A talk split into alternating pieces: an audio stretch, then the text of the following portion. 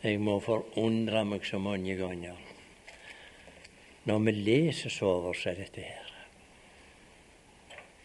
at det kan sitte så upåvirka. Tenk, Gud har løftet oss opp ifra døden og til Guds trone. Så kan vi være så upåvirka mange ganger av det. Iallfall ikke nok påvirka av det evangeliet Gud har gitt oss viten om. I det han Johannes begynte å lese, det begynte med det også eder har han gjort levende. Så må det ha vært noen andre før han har gjort levende. Det behandla det forrige kapittelet om. Der står det og hvorover vettet stor Hans makt er for oss som tror, etter virksomheten av Hans veldige kraft, som Han viste på Kristus da Han oppvakte ham fra de døde. Det er grunnlaget for vår oppvekkelse. Så sier han også eder har han gjort levende. Vi som var døde i synder og overtredelser. Og så var lagt sterk vekt på dette her. Kom derfor i hu. La oss ikke glemme hvor vi kom ifra. Vi kom mot døden, og Satans vold. Og så sitter vi på sida av Guds, på Guds trone, har Han løftet oss opp. Er det ikke da svært vi kan lese det gang etter gang? Og det ikke griper oss mer. Men vet, vi skal se fylden av dette en gang. Hva det vil si å være løftet ifra døden og inn i Guds nærværelse. Og vi hørte om den den mann som ble påminnet om dette her, at han skulle ha noe med seg så kalte bevisstheten hans tilbake hvor han var kommet ifra. Det, I sin tid leser jeg om uh, Gipsy Smith. Vet, han var sigøyner, Gipsy Smith, og han var en evangelist. Han uh, forkynte evangeliet. Gipsy Smith han kom til det vi sier velstand i sitt liv i sine eldre dager. Han var født som en fattig sigøynergutt. Han hadde rikdom, og han hadde til og med mange ridehester. Det var jo tegnet på velstand der han var. Men så fortalte han en dag I skrivepulten min, sa han, så har jeg ei skuffe. Og i den skuffa må jeg dra ut av og til, sa han. Og så ligger det en kniv oppi den skuffa. Når denne verdens ting, sa han, ville fordunkle synet mitt på den evige verden, så drar jeg fram skuffa, og så tar jeg opp kniven. Du gipsy, sa han. Kjem du på når du var liten gutt, og du sprang uten sokker og uten sko rundt for å få selge en kniv, for å tjene noe øre? Så må jeg legge kniven i skuffa, sa han. Og så må jeg vende meg til Gud. Og så må jeg si, kom i hu, Gipsy, hvor du kom ifra. Meget alvorlig å minne oss om i denne verden, hvor vi kommer ifra. Og det står klart for oss det som ingenting var i denne verden det er Gud oppreist, og så stort at Han har sett oss ved si side. Og vi har ikke sett alt ennå. Her var nevnt i vers sju, og Han har gjort det for at Han i de kommende tider kunne vise sin nådes overvettes rikdom i godhet imot oss i Kristus Jesus. Vi har ikke sett alt ennå. Men dette måtte han gjøre for at han skulle bli av med sin storhet i de kommende tider. Guds barn, kvinne og mann. Hvordan er det med oss? Har vi glemt hvor vi er kommet ifra, og hva Gud har gitt oss? Og vi ærer Han med å gi Han takk for denne nåde som har bevist oss. Vi vil fortsatt takke deg, Herre Jesus. Vi forstår det ikke, men vi kan få ta imot i tro dette.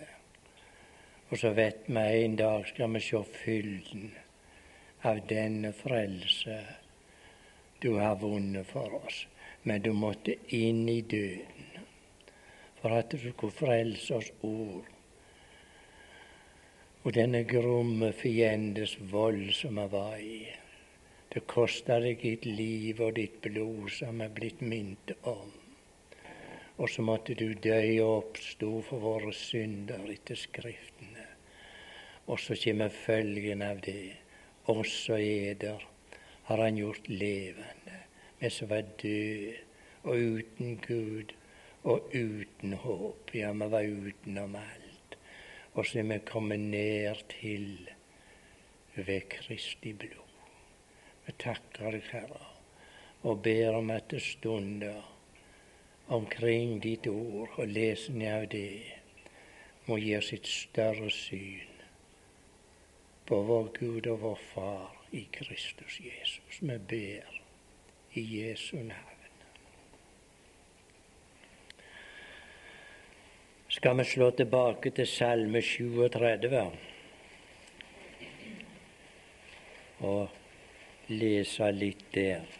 Salme 37.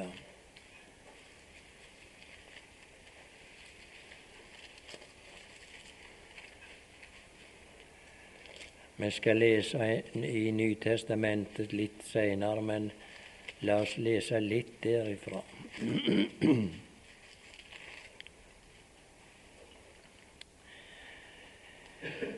fra vers seks tenkte jeg vi lese. Herre, til himmelen når din miskunnhet. Din trofasthet inntil skyene. Det er godt Gud bruker måleenheter her som overgår vår, vårt begrep.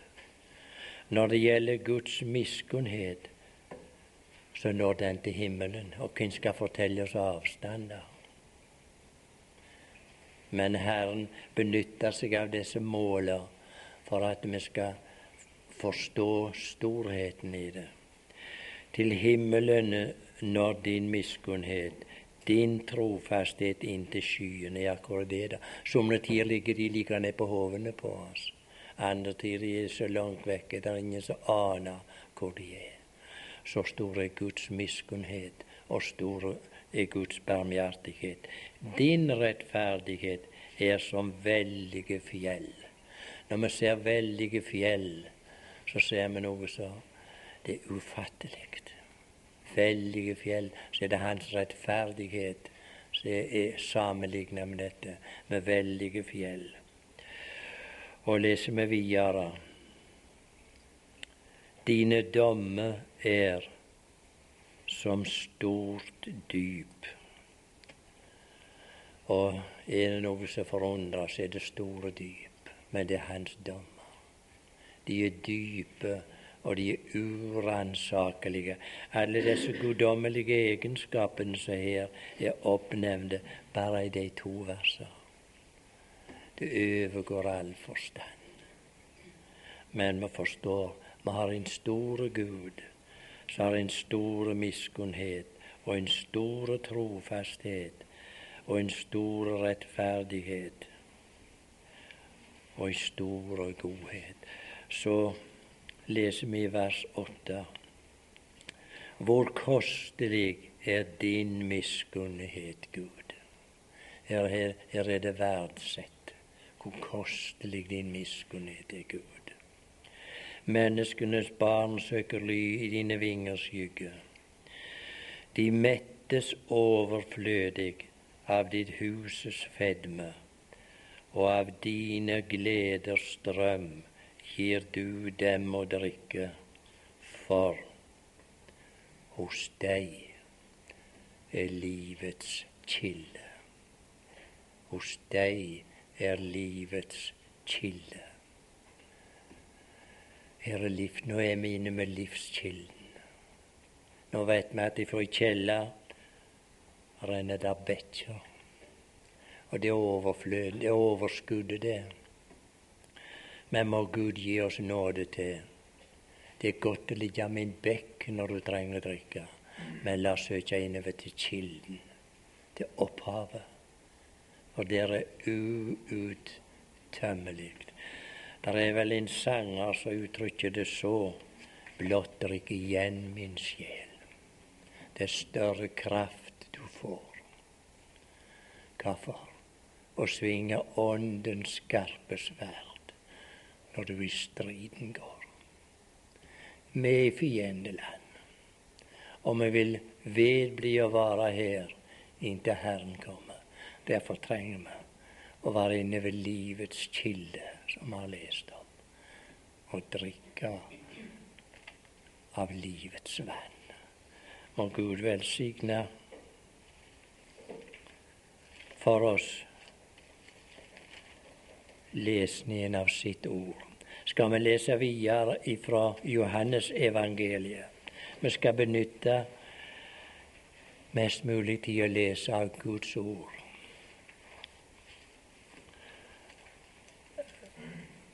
Det er for min del, og jeg hører for flere sin del, det er noe med Johannes evangeliet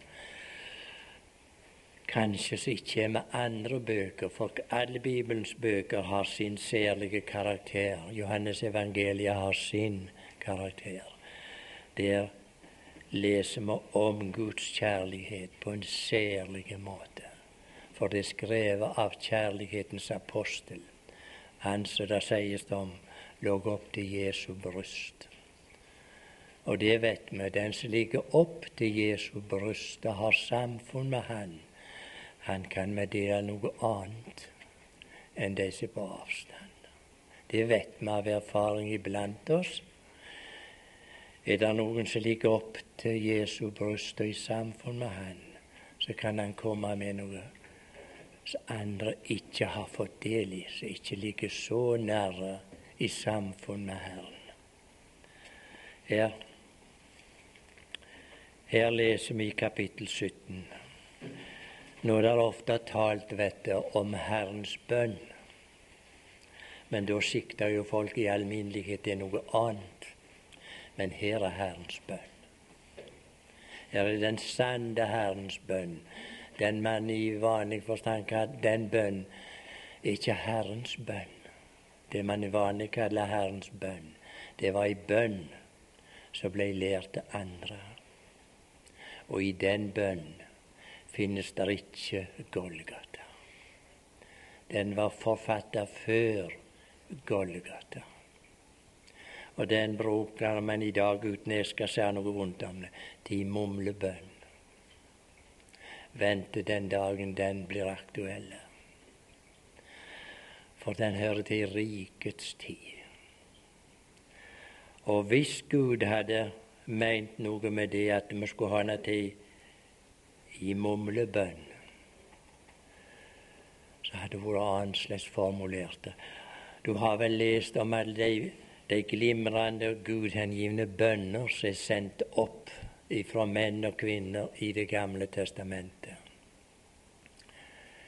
Men ikke ei av de er gjentatte, for det var bønner for behov for det vedkommende mennesket.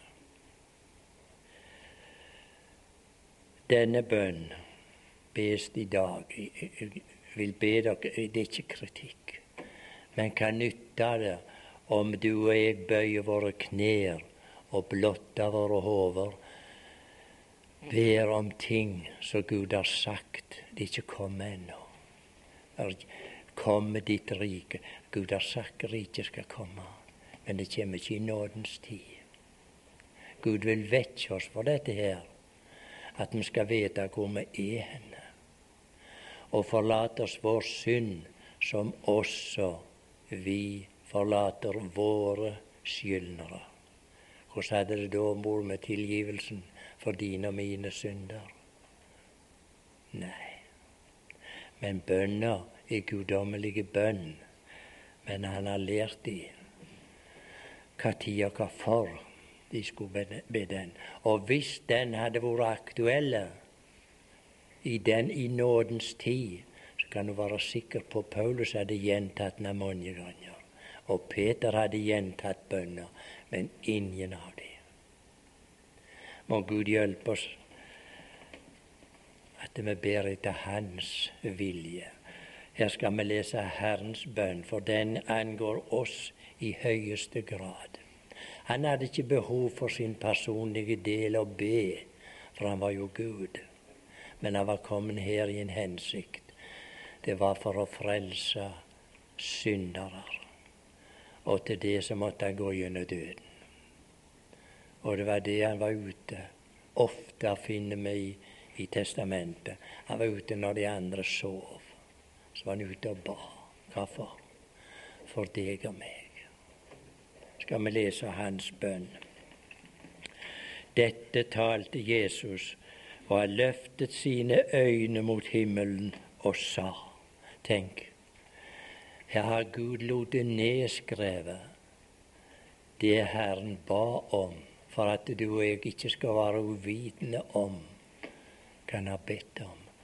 Og vi legger merke til det hvis Den hellige ånd får kaste lys over Guds ord når vi leser det. Det dreier seg om deg og meg. Det dreier seg om de som sitter i, i, i Den norske banks avdelingslokale i Åkra i dag. Denne bønnen gjelder deg som sitter her i dag. Kan du nå følge med og glede deg over og se hva han har i sinne når han er inne i bønn, han er inne for Guds åsyn når han løfter sitt åsyn mot himmelen, og så ber han. Fader, sa han, timen er kommet. Herliggjør din sønn, for at din sønn kan herliggjøre deg. Like som du har gitt ham makt over alt kjøtt, for at han skal gi evig liv til alle dem som du har gitt ham. Og dette er det evige liv, at de kjenner deg, den eneste sanne Gud, og ham du utsendte, Jesus Kristus. Jeg har herliggjort deg på jorden idet jeg har fullbyrdet den gjerning som du har gitt meg å gjøre. Og nå herliggjør du meg, Fader, hos deg selv med den herlighet jeg hadde hos deg før verden var til. Tenk han refererer tilbake. Før verden var til. Så kommer han fram med dette her. Snakker med Faderen. Og her var sagt i begynnelsen Han sa, Fader, timen er kommet. Aldri var det noen i denne verden før Guds sønn som kunne løfte sitt åsyn til himmelen og si Fader. Ikke én.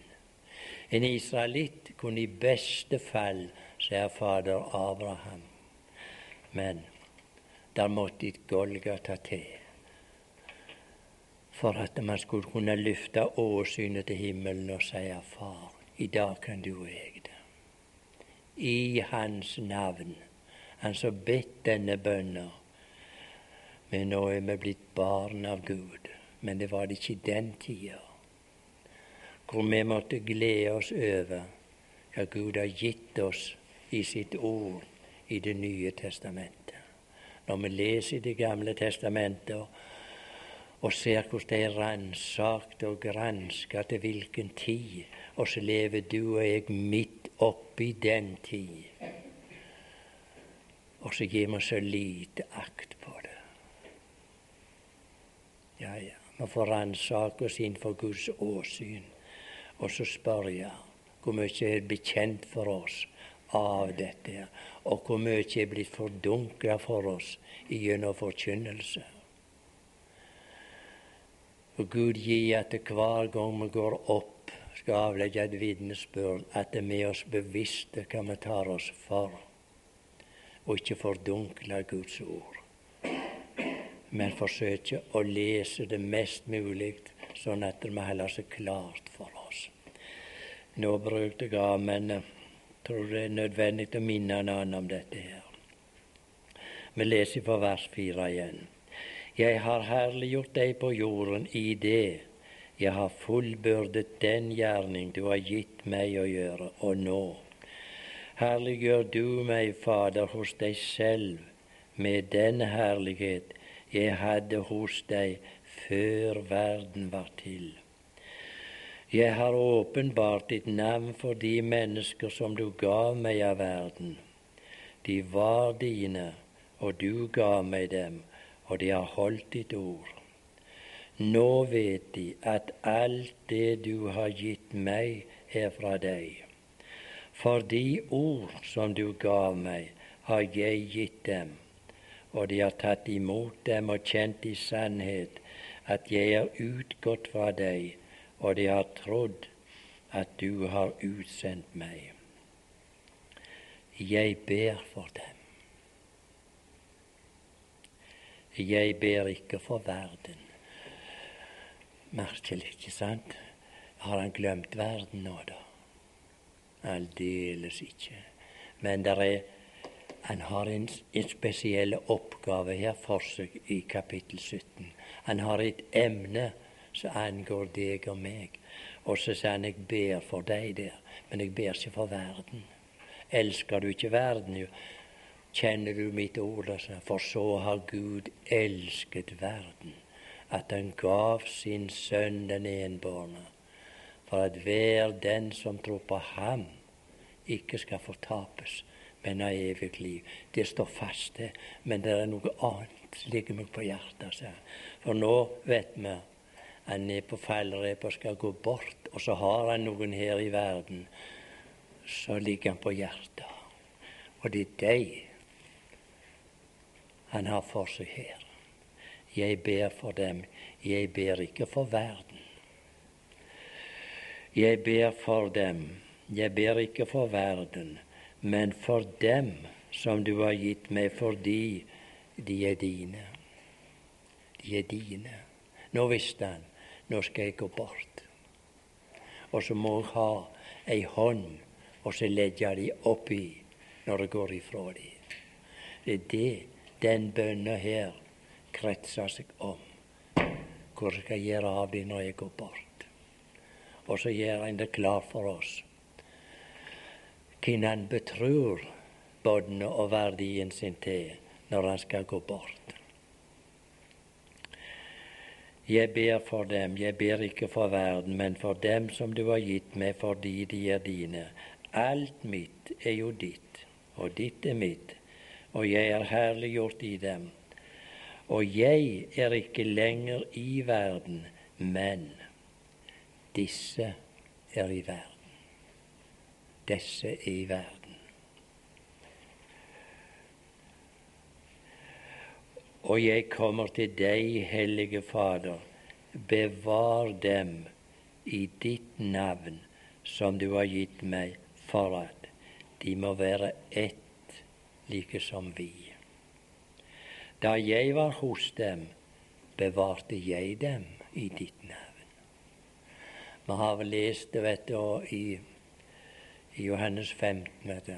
Han fant fåret, han tok det opp, og han bar det.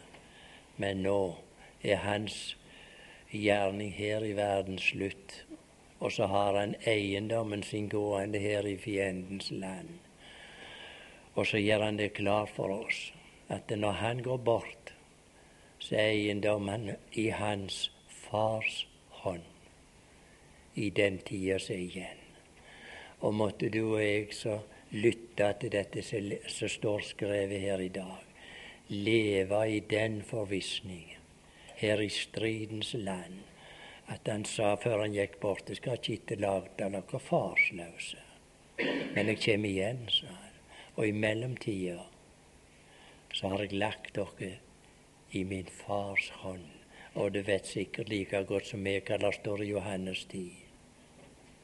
Ingen skal rive dem ut av min hånd, og jeg og Faderen, vi er ett. Må vi gå her den lille stunden vi har igjen, uten anker og uro. For Gud har gitt oss forvissning om dette her, at vi er i trygge hånd.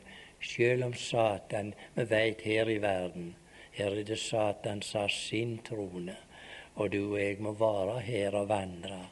Men vi har et fars hjerte som banker for oss. Og så har vi fått et innblikk i dette her. Her har vi fått et innblikk i Guds kjærlighet og Guds omsorg for oss den stunden vi er her.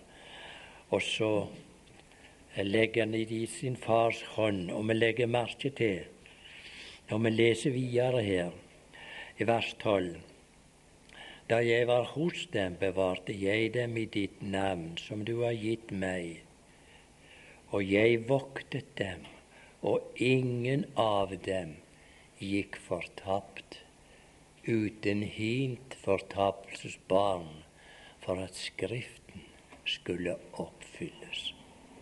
Og ingen av oss spør hvem fortapelsens barn var. Han, han var i disippelflokken. Herren visste om han. Men uh, han skulle følge Herren på fot den stund han var her. Satan hadde sin plan om at han skulle gjøre Guds frelsesplan om ikke. Så sendte han sin sønn til verden. For han het òg fortapelsens barn, og han heter fortapelsens sønn. Og han fyller hakk i hæl på Guds sønn hele veien mens han var her. Og han gikk så langt han skulle forråde han men han måtte ta det tilbake igjen. Og så måtte han si jeg har forrådt uskyldig blod. Uskyldig blod.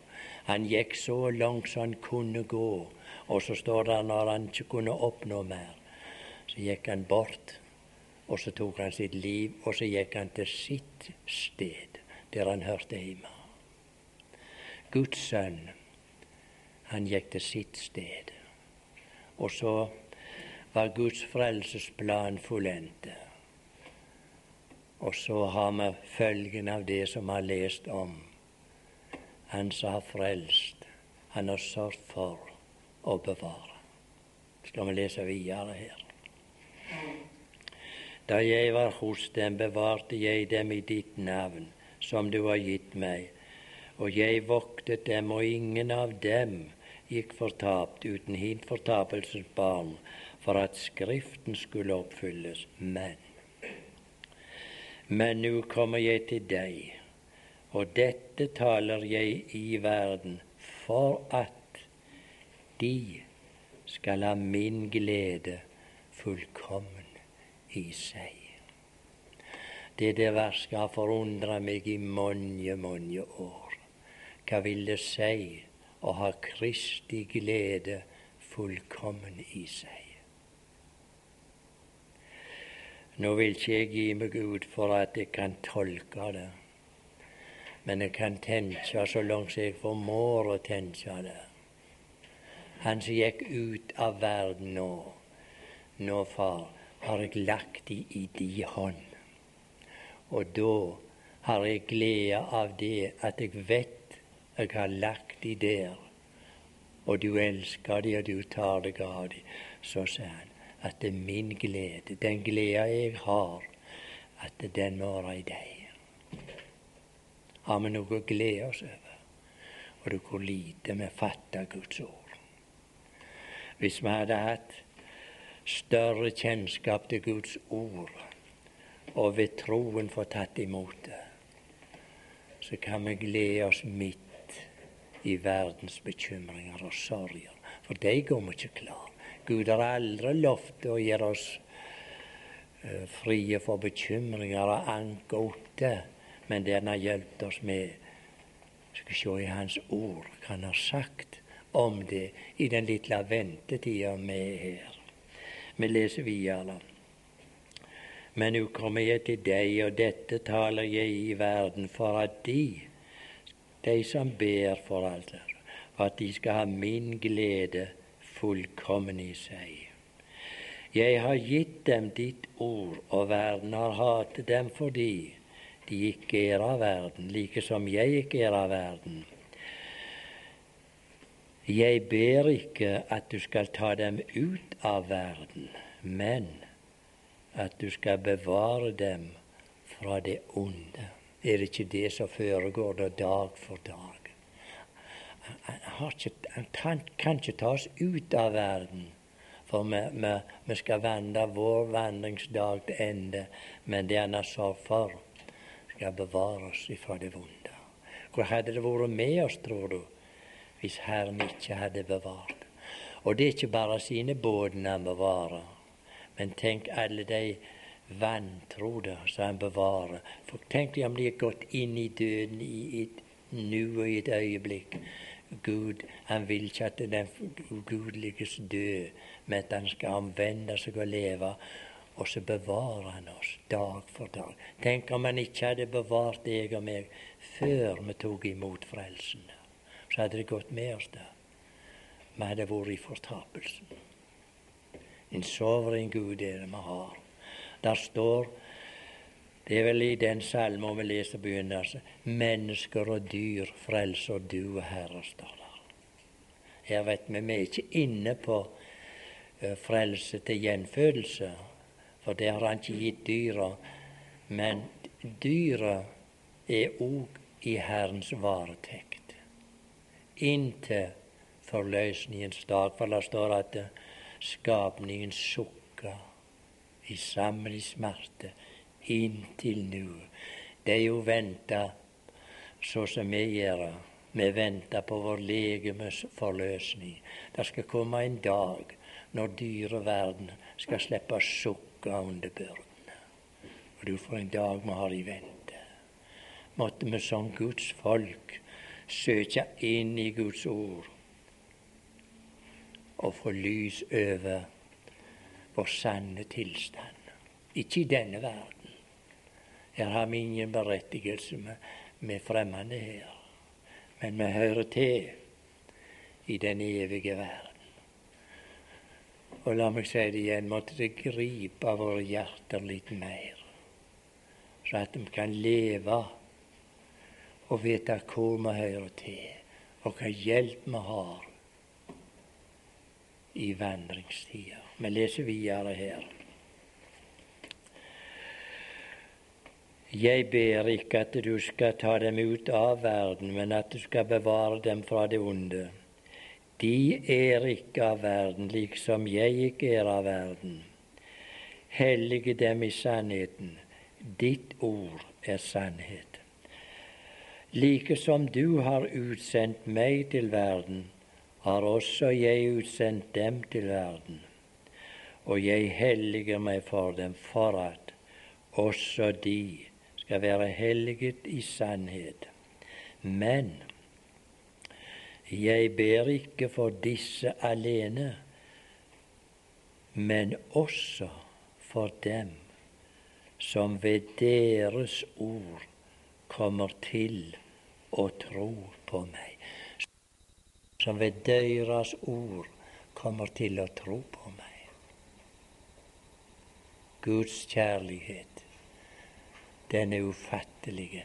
Den går like til fortapelsens grenser, den. For å frelse. Og vi skal ikke undres på det. Hans dyrkjøpte eiendom. Ser som det var Sonja og Johannes Minter som som var kjøpte med Kristi blod. Tenk om han ikke skulle sørget for det der, for eiendommen sin. Ja, hva hadde følgen blitt da? Vi hadde kommet tilbake der vi gikk ut ifra. Men den kostelige frelsen han har gitt oss, har han sørget for garantien. Og den er her i Guds ord.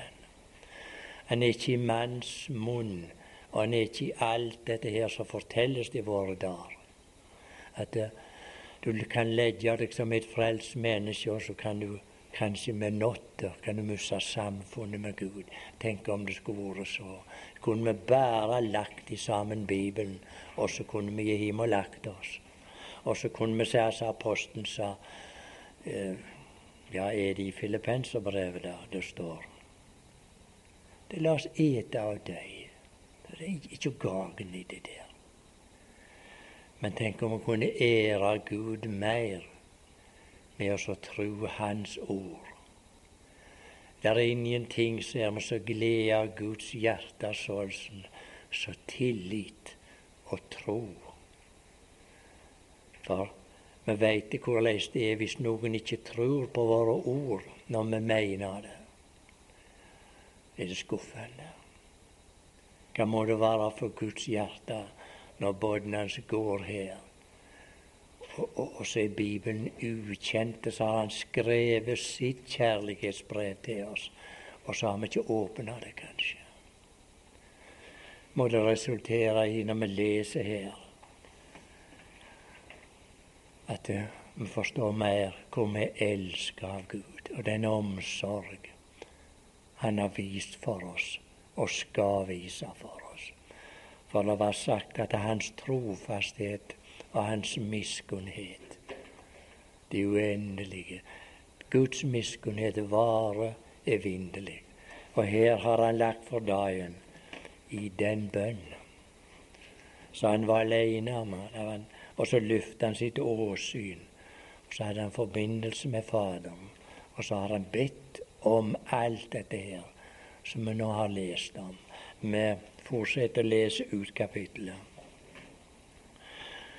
Og vers 20 begynner vi igjen. Men jeg ber ikke for disse alene, men også for dem som ved deres ord kommer til å tro på meg, at de alle må være ett, like som du, Fader, i meg og jeg i deg, at også de må være ett i oss for at verden skal tro at du har utsendt meg. Og den herlighet som du har gitt meg, den har jeg gitt dem for at de skal være ett, like som vi er ett. Jeg i dem og du i meg, for at de skal være fullkommet til ett, så verden kan kjenne at du har utsendt meg og elsket dem like som du har elsket meg. Like som du har elsket meg, så elsker han oss. Ja, det er ikke det at jeg har forstått eller forstår det, men det er én ting jeg veit med sikkerhet mer enn noe annet. Det er at Gud elsker sin sønn. For vi vet det når han steg opp av Jordans vann, og flere ganger enn da. Og da åpna Gud himmelen, og så sendte han si røst ned, sa han, dette er min sønn, den elskede, i hvem jeg har velbehag. Så vet vi det. Faderens kjærlighet til Sønnen, den er proklamert. Og så sier han her like som du, Fader, har elsket meg, så har jeg elsket dem. Er det klart for deg hvor mye du elsker av Gud? Det er ikke for meg, men det er en aning her inne. Jeg kan ikke beskrive. Jeg vil aldri prøve på det. Men tenk, jeg elsker av Jesus Kristus like som han er elska av sin Fader. Og hvis vi begynner å tro på det, så skal vi ikke forundre oss over at han har bedt denne bønnen til Faderen. For den dyrkjøpte eiendommen han har kjøpt seg her i verden. Vi leser videre.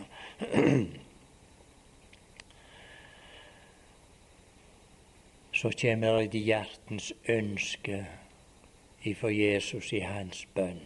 Det finner vi i vers 24. Fader. Vi syns nå nå legger han all sin omsorg og sin kjærlighet i uttrykket Fader. Og vi kunne tenke at hvis Gud hadde talt det, sa han spurt hva er det nå du ville? Jo, nå skal du høre, far. Fader, jeg vil at hvor jeg er, der skal også de som du har gitt meg, være hos meg. Ufattelige, guddommelige kjærlighet. Jeg vil ha de her, far, det du har gitt meg. Må Gud gi, gi oss forstand og tro til at vi elsker av Gud. Med de guddommelige kjærlighet den som han viste på Kristus, for han gav sin sønn for oss. For ved dette står det i Guds kjærlighet åpenbart iblant oss, at Gud har gitt oss sin sønn. Det var ikke åpenbart i Det gamle testamentet, men for oss er det åpenbart. Når han gjorde slik på korset. Hvorfor? for han elsker synderen. Og så måtte han gå inn og ta synderens plass. Og Guds ord sier han blir gjort til synd for oss. For at vi i ham skulle være rettferdige for Gud. Skal vi lese videre? Fader, jeg vil at hvor jeg er, der skal også de som du har gitt meg, være hos meg for at de skal se min herlighet. Og du hvor han har lyst til å vise båndene sine sin herlighet. Og så sier han den har jeg gitt dem. Men Guds ord forteller at han har sin personlige og private herlighet. Så bare hører han til. Og her ligger han på hjertet. Han, vise, han vil vise oss denne herlighet. Så han hadde ikke Faderen før verdens grunnvoll ble lagt. Og du får et emne vi har, som strekker seg like inn i evigheten som var. Det har Gud gitt oss innsikt i. Ikke at vi forstår det, men vi kan glede oss over det. Og vi vet at Han skal snart åpenbare seg. For vi skal få se Hans herlighet. Og da har han lovt oss og sagt at eh, når han åpenbares, så skal vi åpenbares med ham. Hvor henne? I herlighet. Vi synger 'Tenk hvilken dag, hvilken dag'. Måtte denne evige verdens hva skal vi si, kunnskap og glede måtte det fylle våre hjerter, så ville vi vandre så mye lettere gjennom tida verden enn vi gjør. Vi graver oss ned i ja, visst det er fullt av bekymringer og sorger Vi kan ikke skrive bort dem, men det er et middel. Det er til å lære å kjenne Guds kjærlighet.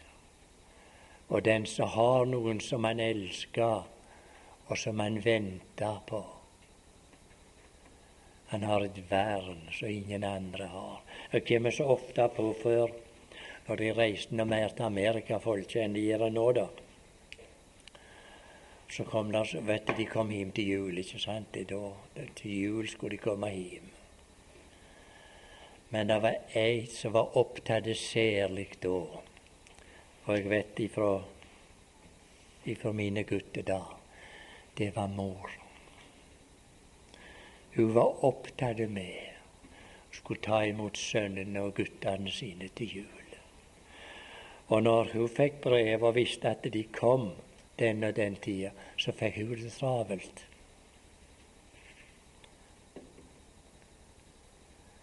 Nå har Herren sagt 'jeg kommer snart'. Gud gi meg måtte få det travelt på rette måten. Og være beredt til Han kommer.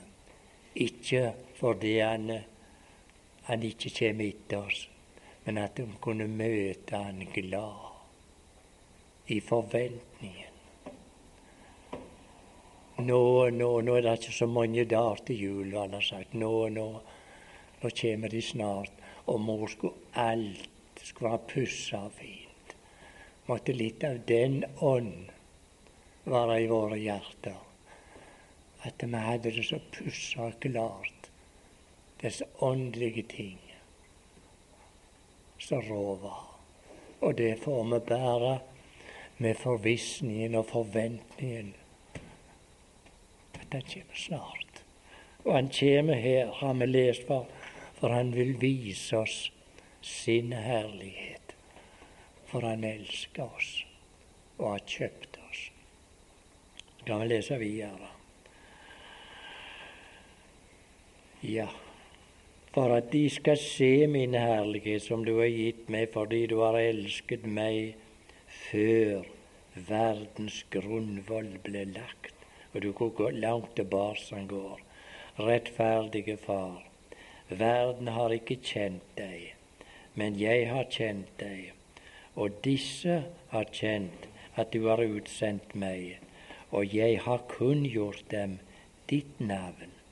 Og jeg vil kunngjøre dem det, for at din kjærlighet, for at din kjærlighet hvormed du har elsket meg, skal være i dem, og jeg i dem. For at din kjærlighet, hvormed du har elsket meg, og den var stor, den skal være i deg. For vi har fått i guddommelige natur når vi kom til liv i Gud. Og den er ikke tilfredsstilt med mindre enn forvissningen om denne kjærlighet som er åpenbart her. Det er det største som kan vederfares et menneske. Det er å kjenne Guds kjærlighet. Og i dag, i det vi har lest, syns vi vi kjenner den guddommelige pulsslag. Når han, når han viser sin omsorg og sin kjærlighet i denne bønn så han er innenfor Faderen med i, i, i denne tilstand. I neste kapittel så går det utover til Golgata. Så går han veien om Getsemane, veien om Golgata. Ut til hån og spott. Hvorfor? For deg han har vunnet. Og så ser vi hvordan det ender og når de ikke kunne påføre han mer, eh, skal vi si skam og vanære, så grep Gud inn. Og så sa han, så handla han med han som den som bar verdens synd. Og så står det Gud slo ham. Hvorfor? For sin kjærlighets skyld. Forunderlige Gud når han skulle skape verden, så gjorde han inn i Han bare han bød, og det sto der. La oss huske på det, det Gud må ha med å gjøre her. Han bød, og det sto der. Han kunne skape en verden uten å rekke sin hånd ut til noen ting. Bare på Hans ord så framsto verden. Men har du lagt merke til når vi leser Guds ord, han kunne ikke by mennesker frelst. Han kunne ikke befale dem. Det var uråd. Han kunne ikke bruke sin guddommelige storhet i, i form av å by, men da måtte han ta til sin kjærlighet. Når han skulle frelse deg og meg, så måtte han bruke sin kjærlighet, for Gud er rettferdig. Han kunne ikke omgå dette her, for synderen han, han hadde synda, og rettferdigheten forlangte straff over synderen. Og så tok han det. Men da måtte han bruke sin kjærlighet, den som vi har lest om her. Og når det var fullbrakt, og når han sto opp, det har jeg så mange undra meg på, så fikk vi et vitnesbyrd av han som han aldri hadde sagt før. Aldri hadde han sagt Han, han, han, han søkte opp Maria når hun sto gråtende ute ved grava. Og, og, så ville hun ta rundt han og holde han, det ble åpenbart at det var han. For Maria hun, hun var vanvittig av gråt og sorg. Og når hun endelig forsto det var han, han holdt seg skjulte, så ville hun omfavne han og holde han. Nei, sa Herren, Maria, nå skal du være med meg. Jeg, du skal ikke ha meg her, men jeg skal deg med der opp. Og så sa han det ord som aldri hadde vært sagt, sa han til Maria. Han hilser ikke for god til å sende et, et sovebudskap med en kvinne. Men nå, Maria, sa han, skal du gå til mine brødre Nå skal jeg lese det at jeg ikke at det ikke står og siterer feil.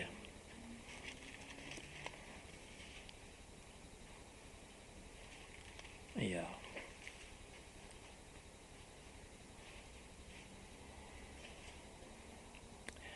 Det er i 20. kapittel her i Johannes evangeliet. Det var etter Maria hadde etter han hadde truffet Maria. Jesus sier til henne, er vers 17, rør ikke ved meg, for jeg er ennå ikke faret opp til Faderen, men gå til mine brødre. Tenk nå hva vi blitt brødre av Han. Hadde ikke hendt før. Gå til mine brødre. Hva skal jeg gjøre, kunne Maria spurt. Jo, nå skal, nå skal du si det, Maria. Gå til mine brødre og si til dem. Jeg farer opp til min Fader og eders Fader, til min Gud og eders Gud. Ja, Hva som var skjedd? Jo, det var blitt en ny familie. Vi hadde ikke vært inne i den familien før.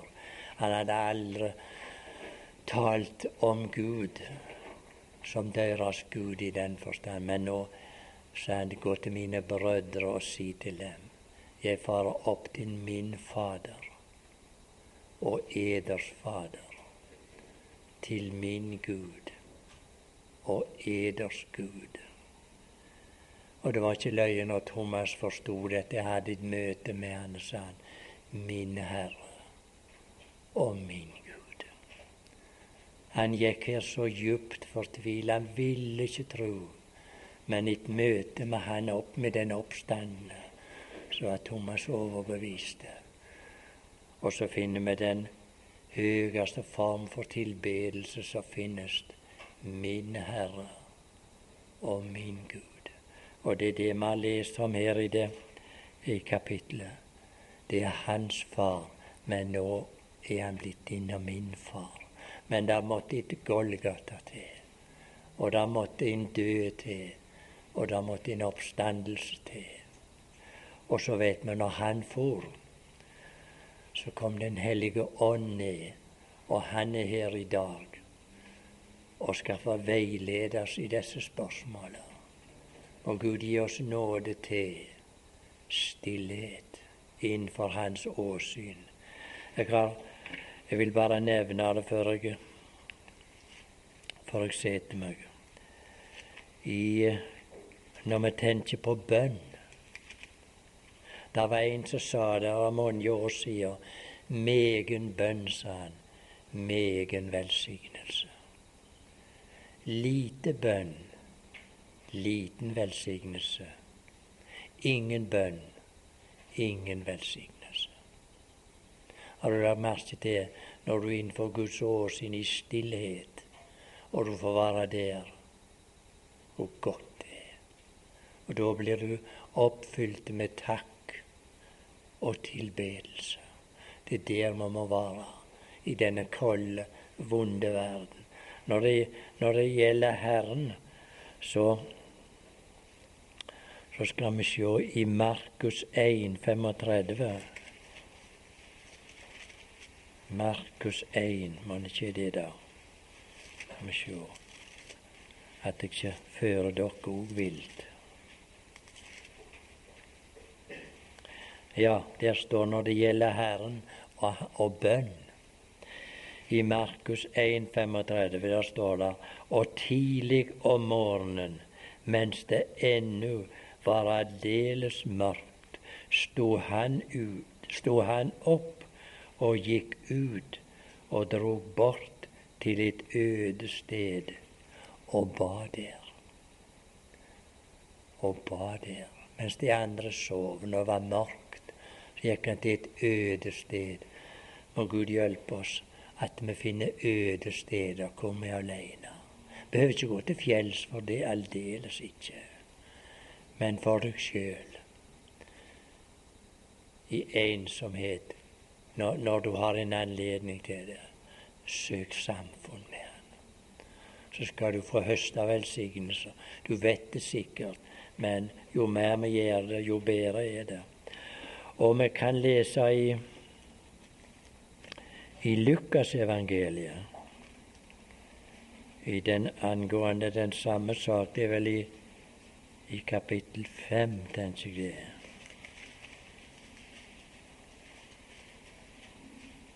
Skal vi sjå.